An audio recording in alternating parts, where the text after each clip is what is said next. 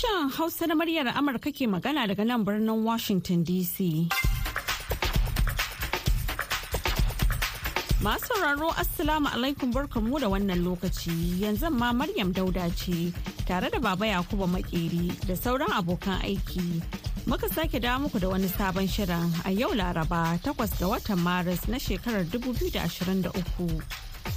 A cikin shirin namu na yanzu za mu sake kawo muku ɗan takaitaccen tarihin jihar Kano da ke arewa maso yammacin Najeriya yayin da ya rage sauran 'yan kwanaki a kai ga zaɓen gwamnoni da na 'yan majalisar jiha a ƙasar. Kamar yadda muka saba a kowace ranar Laraba a wannan lokaci. Yau ma muna nan tafa da shirin ciwon 'ya mace wanda Aisha Ma'azu ta shirya za ta kuma gabatar da ma sharhin jaridan ƙasar Kamaru. Amma yanzu dai sai a gyara zama a saurari labaran duniya kashi na farko. Assalamu alaikum jama'a da fatan ana shan hantsi lafiya ga cikakkun labaran duniya mai karantawa baba ya koma makeri.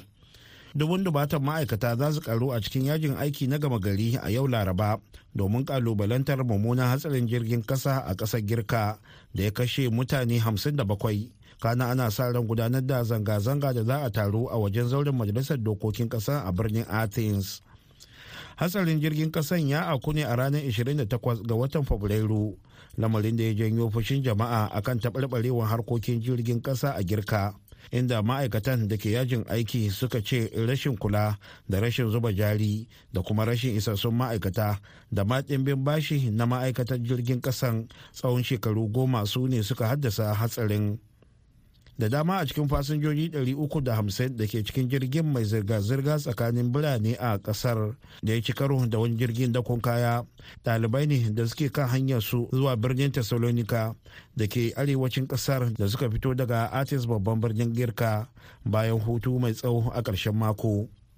Bala'in ya haifar da zanga-zanga a duk faɗin ƙasar girka inda sama da mutane dubu goma suka gudanar da zanga-zanga a birnin atis a ranar lahadin da ta gabata suka kuma saki ɗaruruwan balan-balan a sararin samaniya. Jawabin bayanar jama'a daga manyan shugabannin ƙasar china waɗanda aka gabatar yayin taron shekara-shekara na majalisar dokokin ƙasar china da aka fara a ranar lahadi. Sun nuna cewa shugaba Xi Jinping da jam'iyyar kwaminisanci ta ƙasar da yake tafiyar da ita suna ƙara ɗaukan tsauraran matakai na tunkaran Amurka. Da yake magana da manyan jagororin siyasa a ranar Litinin ɗinta ta gabata. Da alamar shi yana ɗora alhakin kalubalen tattalin arzikin ƙasarsa a wannan lokaci akan cikakken katangewa da matakan danniya da ƙasashen yammacin duniya ke ɗauka a ƙarƙashin jagorancin amurka cikin 'yan shekarun nan da suka gabata. Yana mai cewa su ne suka haifar da kalubalen da ba a taɓa ganin irinsa ba ga ci gaban ƙasar china. Amurka ta sha musunta cewa ita ce ke jan ci gaban ƙasar china a baya. Tana mai cewa ta yi ƙoƙarin tabbatar da tsari ne da zai hana gasar da za ta kai ga rikici tsakanin manyan ƙasashen biyu mafiya ƙarfin tattalin arziki a duniya. Labaran na zuwa muku ne daga nan sashen hausa na murya amurka a birnin washington dc a jiya talata ne ƙungiyar tarayyar turai ta kakaba takunkumai akan mutane tara da suka hada da wasu manyan jami'an gwamnatin taliban guda biyu da jami'an soja da 'yan sandan rasha da kuma wani gidan yarin iran inda ake zargin su da alaka da take haƙƙi da kuma cin zarafin mata. Muna inganta ƙoƙarin da ake yi na magance cin zarafi na jima'i da jinsi don tabbatar da duk waɗanda ke aikatawa za su fuskanci cikakken hukunci ga ayyukansu da kuma yaƙi da rashin hukunta masu laifi in ji babban jami'in harkokin waje na ƙungiyar tarayyar turai joseph borrell. Sanarwar ta zo ne a jajibirin ranar mata a duniya. Matakin na eu zai dakatar da kadarori da kuma tafiye-tafiye akan mutane taran da kuma dakatar da kadarorin gidan yarin kwashak. Ɗaya daga cikin wuraren tsare mata da gwamnatin iran ke amfani da shi da askarawan syrian republican da kuma wata cibiyar sojojin myanmar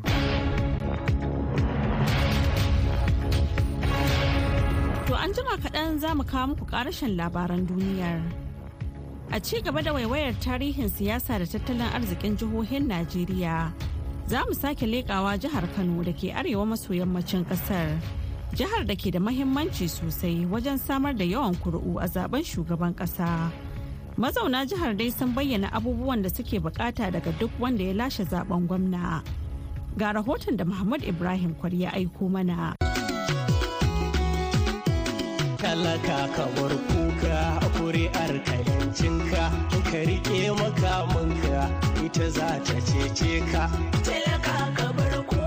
ranar 27 ga watan Mayu na shekarar 1967 ne aka kirkiro jihar Kano da ke arewa maso yammacin Najeriya bayan da aka rusa tsarin gwamnatin lardi a Najeriya. Tun kafin kafa daular Usmaniya Kano ta yi shuhura a fagen siyasa da tattalin arziki. In ji Malam Ibrahim Ado Kurawa marubuci kan al'amuran tarihi da harkokin yau da kullum. Kano ita ce cibiyar siyasa da kuma tattalin arzikin arewacin najeriya. Wannan ya samo asali ne tun lokacin da aka gina ginshikin tattalin arzikin kano wato kusan karni shekara 1100 miladiya da aka fara gina ganuwar kano. Daga baya da allah ya sa aka yi jihadin shi usman dan fodiyo masu jihadi sun tabbatar da cinikin goro a daular usmaniya. Kano ta yi fice kuma kano ta yi fice ta kowace ƙasa wurin yin kayan sawa. Ita ce na ɗaya a duk nahiyar afirka. Sannan da turawa suka zo suka ga irin mahimmancin da tattalin arzikin kano yake da shi suka kawo jirgin ƙasa. Sannan suka tabbatar da cinikin gyada wanda kano ita ce ta kowace ƙasa a najeriya. Wannan ya bawa kano tattalin arziki mai ƙarfi a wannan lokaci har ta kai zamanin da aka zo aka fara yin masaka ta farko da aka yi a najeriya a kano aka yi ta. Kuma lokacin sarkin kano alhaji abdullahi bayero shine ya fara yin independent power. Da aka zo farkon siyasa kano ita ce tushen siyasar canji wato nefu ita ce siyasar farko da aka fara a arewa. Da masu mulki suka ga abu zai yiwu da sarakuna sai suka kafa npc kano ita ta ba wa npc damar da ta yi abin da ta yi. Saboda kano ita ta kowace ƙasa ba da gudunmawa a npc saboda sarkin kano sa muhammadu sunusi. Kuma sarkin kano sa muhammadu sunusi shine ya fara yin industrial estate a arewacin najeriya wadda ta kowace girma. Saboda haka duk wannan yana nuna mana mahimmancin kano a najeriya da tattalin arziki. Kuma har izuwa yau kano ta fi kowace jiha bawa 'yan takarar shugaban ƙasa ƙuri'a. Saboda haka kano ta fi kowace jiha muhimmanci a tsarin siyasar Najeriya. Daga shekarar 1967 da aka kirkiro ta, jimlar gwamnoni goma sha takwas ne suka mulki jihar Kano, kama daga gwamnan farko wato Alhaji Audu Bako zuwa na yanzu Dr. Abdullahi Umar Ganduje. Duk da cewa masana'antu da harkokin kasuwanci sun ci gaba da garawa har zuwa shekarun 1990, amma Malam Ibrahim Ado Kurawa na mai ra'ayin cewa ci gaban ya gaza ɗorewa dalili shine babu ma'aikatocin gwamnati wato institutions na gwamnati da na al'umma ba su kafu kafuwa ba sosai. Wannan ya sa cewa idan an fara wani abu zai tabbata ba sai a rusa. Ta kai har matsayin da cewa yanzu tattalin arzikin kano koyaushe kuma baya yake yanzu ya za a ce jiha kamar kano ita ce ta tara a najeriya. Lagos tana da gdp dala biliyan 40 oyo biliyan 21 edo biliyan 17 kano kuma biliyan 13 saboda me saboda ba mu gyara yadda za mu tafi da tattalin arzikinmu ya zama na zamani ba. Jam'iyyar APC ce ke riƙe da gwamnatin Kano tun a shekara ta 2015 zuwa yanzu, kuma mataimakin gwamna na yanzu Dr. Nasir Yusuf Gawuna shi ke yi wa jam'iyyar takara a zaɓen bana. Masu kula da lamuran siyasa a jihar sun ce Malam Ibrahim Khalil na jam'iyyar ADC da kuma Abba Kabir Yusuf na jam'iyyar NNPP na cikin 'yan takara na kan gaba da za su fafata da juna wajen neman kujerar gwamnan Kano a zaɓen bana. Sai dai yayin da 'yan takarar ke ci gaba da bayyana manufofinsu, kanawa na ci gaba da bayyana abin da suke ganin shine damuwarsu a fannoni daban-daban na rayuwa. sunana muhammadu sani ya kamata gwamnati ta kula da manoma domin bunƙasa noma ya sa an samu rangwame na waɗansu abubuwa da na tashin hankali sunana abdulsamad muhammad usman abin da ya kamata a ce 'yan takarkarin kujerar gwamna a jihar kano su mai da hankali shine abin da ya shafi bunƙasa harkokin tattalin arzikin jihar ilimi da kiwon lafiya. Kuma abu mai da hankali kan ilimin da zai ba wa mutum damar koyar sana'a. Sunana hajara adam. Fannin ilimi tun daga firamare har jami'a ana buƙatar tallafi saboda akwai wasu da yawa suna son su yi karatun amma babu hali. sunana musa zangina adam ina ganin duk wani kafin wata a kano abin da muka fi buƙata ya duba shine rayuwar matasa da mata musamman wajen sa musu aikin yi da sana'o'i bayan wannan duk gwamnatin da aka fi a kano muna buƙatar ta ba ƙananan kuɗaɗen su wannan yana rage raɗaɗin talauci da al'umma suke ciki. A hannu guda kuma al'umma na tsokaci kan yadda suke ganin ya kamata a gudanar da zaɓe mai tsafta kuma cikin lumana. Hukumar INEC gudanar da aiki yadda ya kamata. Hukumar 'yan sanda kuma su kare rayukan mutane. Sannan kuma ɓangaren 'yan siyasa bangan siyasa da 'yan daba da su waye waye waye duk wayan abubuwa a je shi a gefe. Kowa ya je zaɓi abin da yake so bisa cancanta. Suna na fatima muhammad. In dai jami'an tsaro suka ɗauki matakan da ya kamata hukumar inec suka yi abubuwan da ya kamata tun allah ya muna gani kan zaɓen bana kan ba za a samu matsala ba. Su kuma 'yan siyasan namu in suka yi wa 'yan mabiyansu gargaɗi to insha allah komai zai daidaita. Suna na rabiu ahmad ƙofar mazugan a hanyoyin da ya kamata a bi ko da za a bi wajen tabbatar da zaɓe a cikin kwanciyar hankali shine na farko adalci daga dukkanin ɓangarorin da aka dora wa nauyin gudanar da aikinsu. A ranar goma sha ɗaya ga watan maris mai zuwa ne hukumar zaɓen najeriya inec za ta gudanar da zaɓen gwamnoni a faɗin ƙasar bayan kammala na shugaban ƙasa a ranar 25 ga watan fabrairu. Mahmud ibrahim kwari muryar amurka daga kano nigeria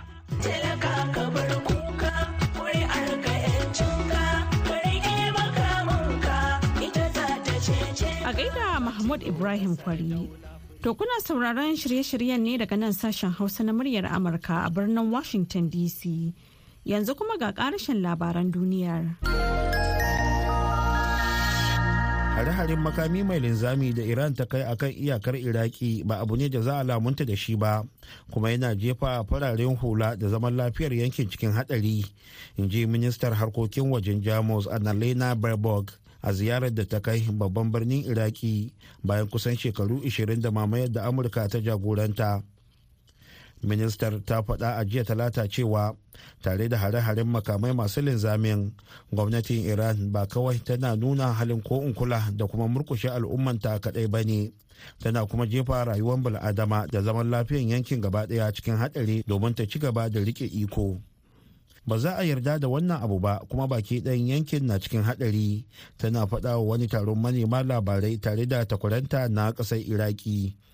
A bara Tehran ta harba makamai masu linzami a kan sansanonin ƙungiyoyin kurdawa da ke arewacin Iraki da ta zargi da hannu a zanga-zangar nuna adawa da matakin da gwamnati ta ɗauka kan mata.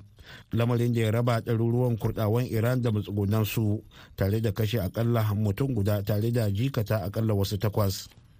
A ƙarshe iran ta kama mutane da dama da ta ce suna da alaka da batun guba a makarantu tare da zargin wasu da alaka da kafofin yada labarai na 'yan adawa na ƙasashen waje da kuma tarzoman baya-bayan nan. A cewar wata sanarwa da ma'aikatan harkokin cikin gida ta ƙasar ta fitar a jiya talata.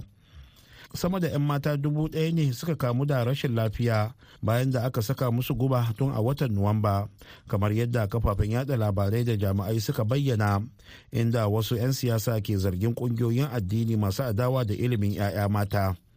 Sanarwar ta faɗa ba tare da ƙarin bayani ba cewa mutane uku a cikin tawagar mutum huɗu da aka kama suna da tarihin shiga cikin tarzoma na baya-bayan nan kuma an tabbatar da alakar su da kafafen yada labarai na 'yan adawa na ƙasashen waje in ji sanarwar. Sanarwar dai ta kara da cewa hukumomi sun cafke mutane da dama a larduna shida dangane da guba amuranta labaran duniya kuka saurara daga nan sashen hausa na muryar amurka a birnin washington dc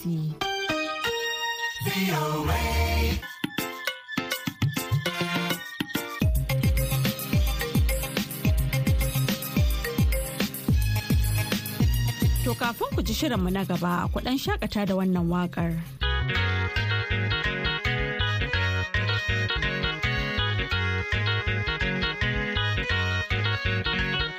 Ina mafita linzami ya tsinke mini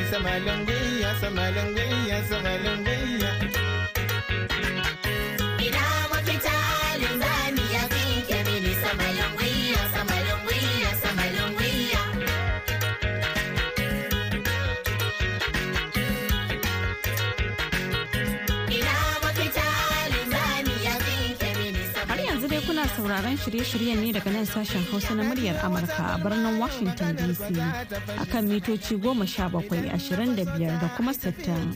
A jamhuriyar Nijar kuma za a iya sauraron mu a tashar mu ta VOA Africa akan mita ɗari da biyu da ɗigo biyar zangon FM. Bayan haka a koda yaushe za a iya jin mu ta yanar gizo a voahausa.com ko kuma sashen hausa.com. To yanzu kuma ga shirinmu na gaba.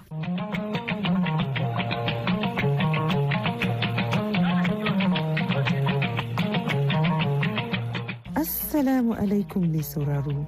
Barka da hantsin wannan rana. Mu barka da kasancewa da ni Aisha Mu'azu a cikin shirin ciwon ya mace daga nan sashen Hausa na muryar Amurka.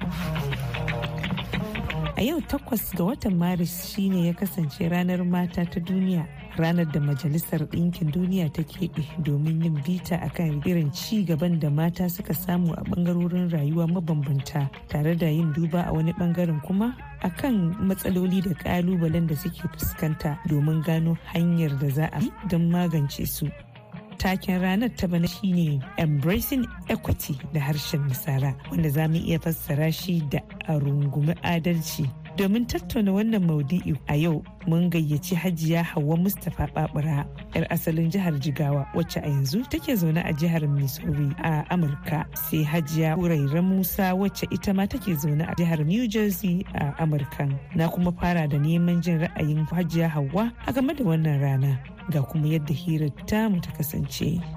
ina mai matuƙar farin cikin nuna murna ta ga wannan rana ta mata a duniya da majalisar ɗinkin duniya ta ware saboda nuna mahimmancin ya mace ko mata a al'umma gaba ɗaya a duniya. Lallai ya mace tana da mahimmanci a duniya a matsayinta ta mace a matsayinta ta uwa da take ‘ya'yanta a matsayinta ta shugaba wadda take da haƙuri da nuna juriya da sanin ya kamata a dukkan al'amura ba na cikin gida ba har na waje. Mata gaskiya a duniya a turance zan ce they have come along. Su ma ana damawa da su yanzu. Tarihi yadda ya nuna ba ina nufin kamar tarihi a nan irin na ƙasashen wajen nan mata da ba ma a saka su a matsayin kama a ce suna da yanci wanda yake daidai da na ɗa namiji.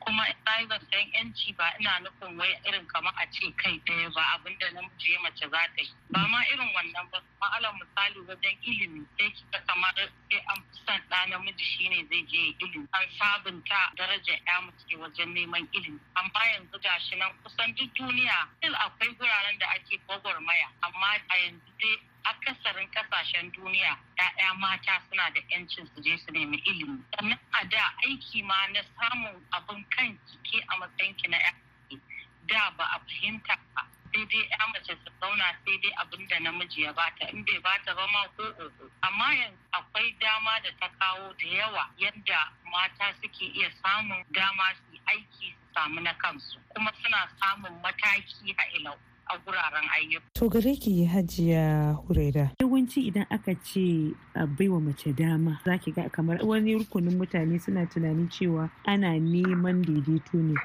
Amina ce Muhammad. Ita ce fa mataimakiyar Secretary General na United Nations amma duk da haka ai bata manta tarbiya ba bata manta kuma inda ta fito ba.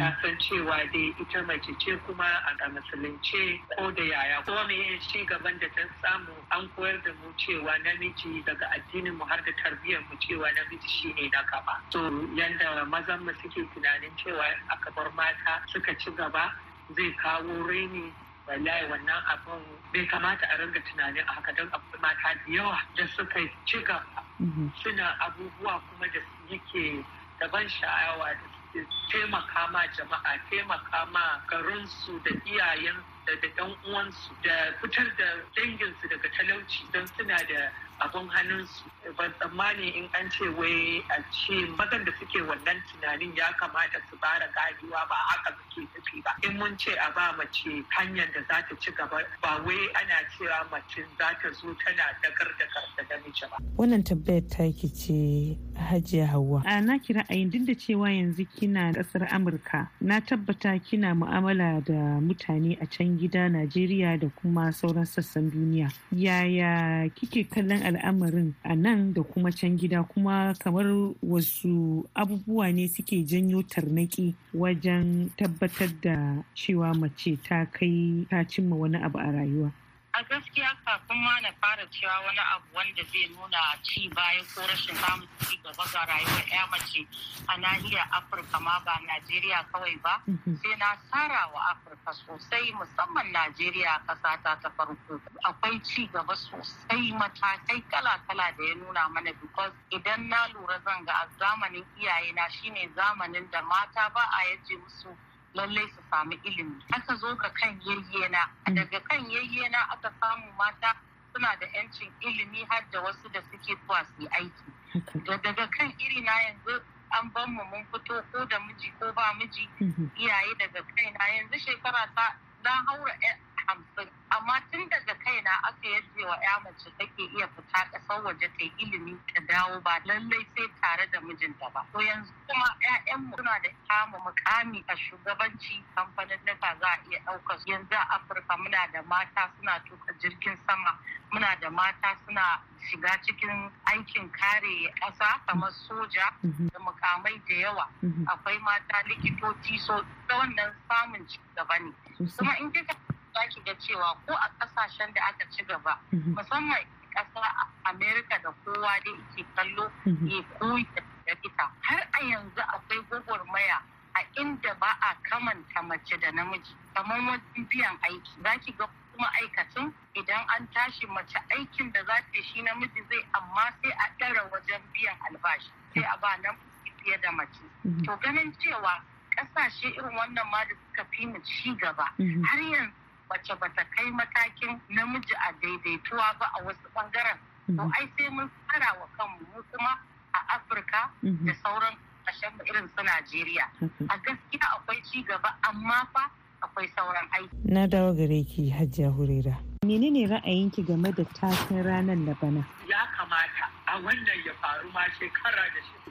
Matan mu na Najeriya ko na Afirka suna da ƙoƙari suna da ilimi suna da fahimta suna da kwazo na neman abin hannu da kuma dinkin lura duk mace da Allah ya mata rufin za ta koma ƙauyenta ne ta yi taimako. To shi yasa ake cewa in aka taimaka ma mace ta ci gaba to za a taimaka ma jama'a yawa. Don Allah ya yi masu lura da iyalai masu tausayi. Iyaye ne ko yarinya karama ce za ki ga halin da take halin da wanda za ta tashi ne ta lura da jama'a wanda take yi kawai ita san ita ne so a ce wai yanzu ke faruwa ko man ji daɗi yanzu ne ya faru ya kamata a yi wannan abu wannan abin ya faru tuntuni dan muna da mata da yawa kamar Amina J. Muhammad ita ce fa mai taimakiyar babban sakatare majalisar ɗinkin duniya. gaba ɗaya. Duk da haka za ki ga tana riƙe da addininta tana riƙe da tarbiyyarta. Akwai wanda na gani an mata wani interview. Karau abinci tana magana da fulatanci tana magana da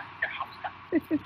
Ba ta taɓa tuna cewa Allah ya yi bata wannan position. Ta kuma za dubu a Afirka dole ne su zo ƙarƙashin ta ban tambaya akwai wannan ma a cikin ta kawai ita ta san cewa an ba ta wannan dama wannan aiki ya kamata ta yi yadda za ta taimaka ma mutane. Jama'a gaba ɗaya ma ba mata kawai. Me kike gani ya kamata a yi domin tabbatar da cewa ita mace ta ci gaba duk da cewa ɗaiɗaikun mata da na hira da su sun ce matan Afirka su ma fa yanzu ana damawa da su amma da sauran rina a kaba. Ya kamata a bar mata su yi karatu. shi ne mafitar komai in mutum bai yi karatu ba ko da an dan halali kuɗin nan aka ce ki je ki kasuwanci da shi ba za ki iya miƙar da kasuwancin nan gaba don ba iya yanda za ki jujjuya shi ba. Amma in aka bar ki kika yi karatu ko da karatun nan bai kai university ba ko da primary ne aka ba mata kan kai wannan ranar farin ciki because gaskiya a kowane rana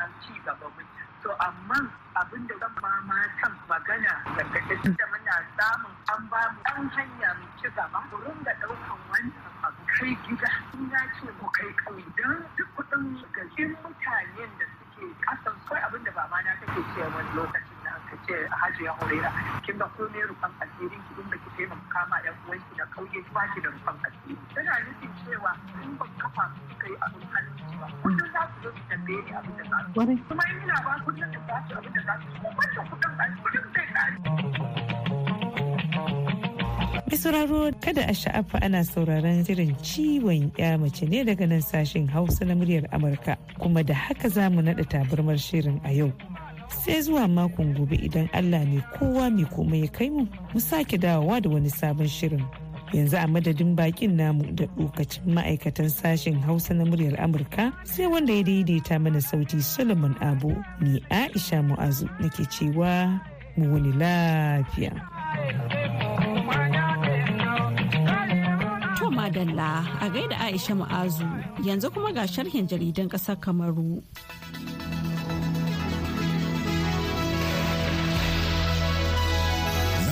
Shirin namu na wannan mako ne da jaridar kalara an da ta roto mana cewar a halin yanzu dai gwamnatin ƙasar jamhuriyar kamaru tana ci gaba da binciken yadda aka yi aka kashe dan jaridan fm nzogo wanda ake zargin cewar akwai hannun wani babban dan kasuwa a ƙasar jamhuriyar kamaru musta amugu belenga wanda yake da gidan talabijin na vision card. Da kuma gidan jaridar nan na anadot yanzu dai an garzaya da su gidan yari na birnin yawunde domin ci gaba da bincike na yadda aka yi aka kashe wannan dan jaridan.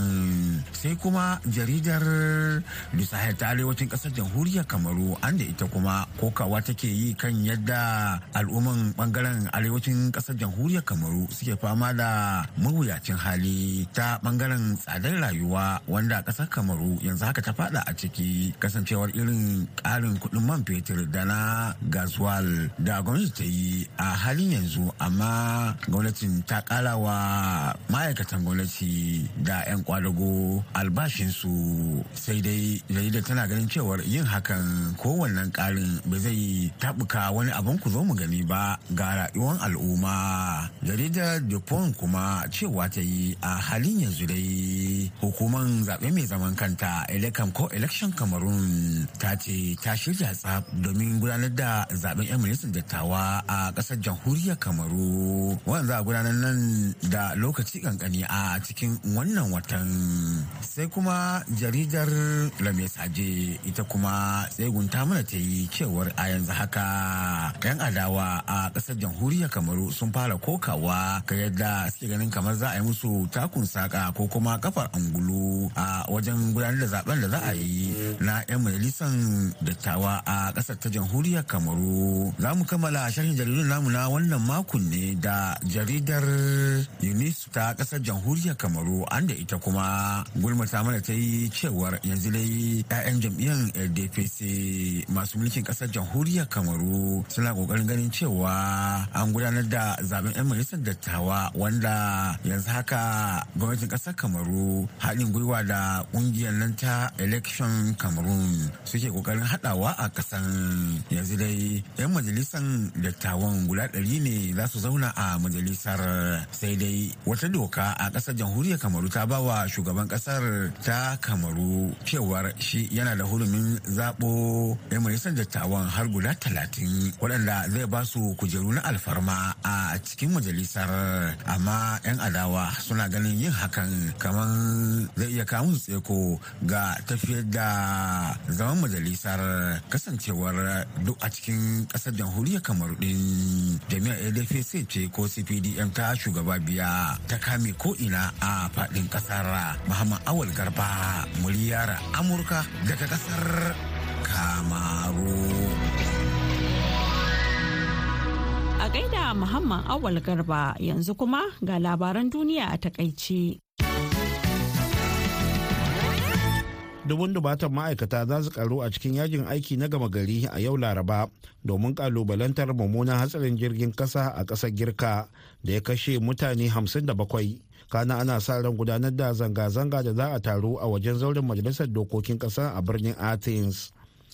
Hatsarin jirgin kasan ya auku ne a ranar 28 ga watan fabrairu lamarin da ya janyo fushin jama'a akan taɓarɓarewar harkokin jirgin ƙasa a girka inda ma'aikatan da ke yajin aiki suka ce rashin kula da rashin zuba jari da kuma rashin isassun ma'aikata da ma ɗimbin bashi na ma'aikatan jirgin ƙasan tsawon shekaru goma su ne suka haddasa hatsarin. Masu sauraro iyakacin abin da ya sawaka kenan a shirinmu na yanzu sai kuma can an jima da rana. Za ku ji abokan aiki madauke da wani sabon shirin. A madadin Baba Yakubu Makeri da ya taya na gabatar da shirin da Solomon Abu wanda ya haɗa shirin da kuma ba da umarni da ma injiniyan mu na yau. Ni Maryam Dauda ke cewa ku huta lafiya.